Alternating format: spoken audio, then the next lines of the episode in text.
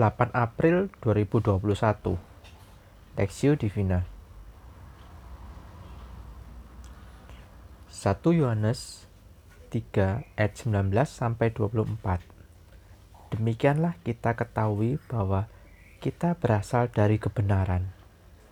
Demikian pula kita boleh memenang, menenangkan hati kita di hadapan Allah sebab jika kita dituduh olehnya, Allah adalah lebih besar daripada hati kita serta mengetahui segala sesuatu.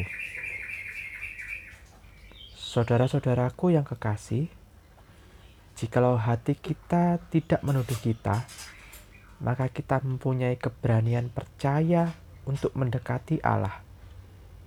Dan apa saja yang kita minta, kita memperolehnya daripadanya karena kita menuruti segala perintahnya dan berbuat apa yang berkenan kepadanya.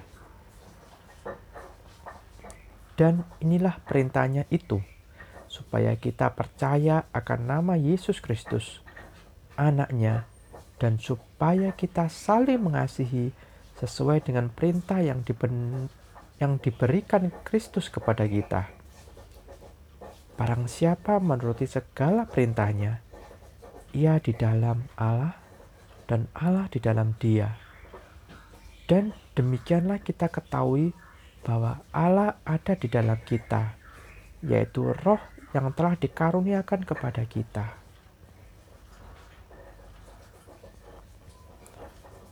Perintah yang mengubah kehidupan, perspektif. Barang siapa menuruti segala perintahnya, ia diam di dalam Allah dan Allah di dalam dia. Dan demikianlah kita ketahui bahwa Allah ada di dalam kita, yaitu roh yang telah dikaruniakan kepada kita. 1 Yohanes 3 ayat 24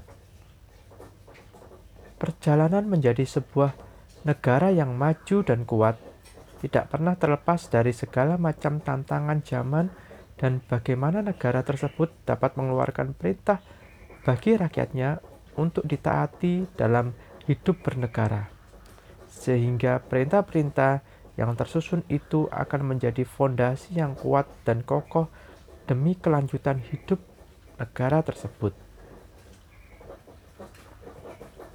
Dalam bagian firman Tuhan yang kita baca hari ini, Rasul Yohanes kembali menegaskan bahwa setiap anak Tuhan haruslah hidup saling mengasihi ini bukan karena dirinya yang mampu mengasihinya.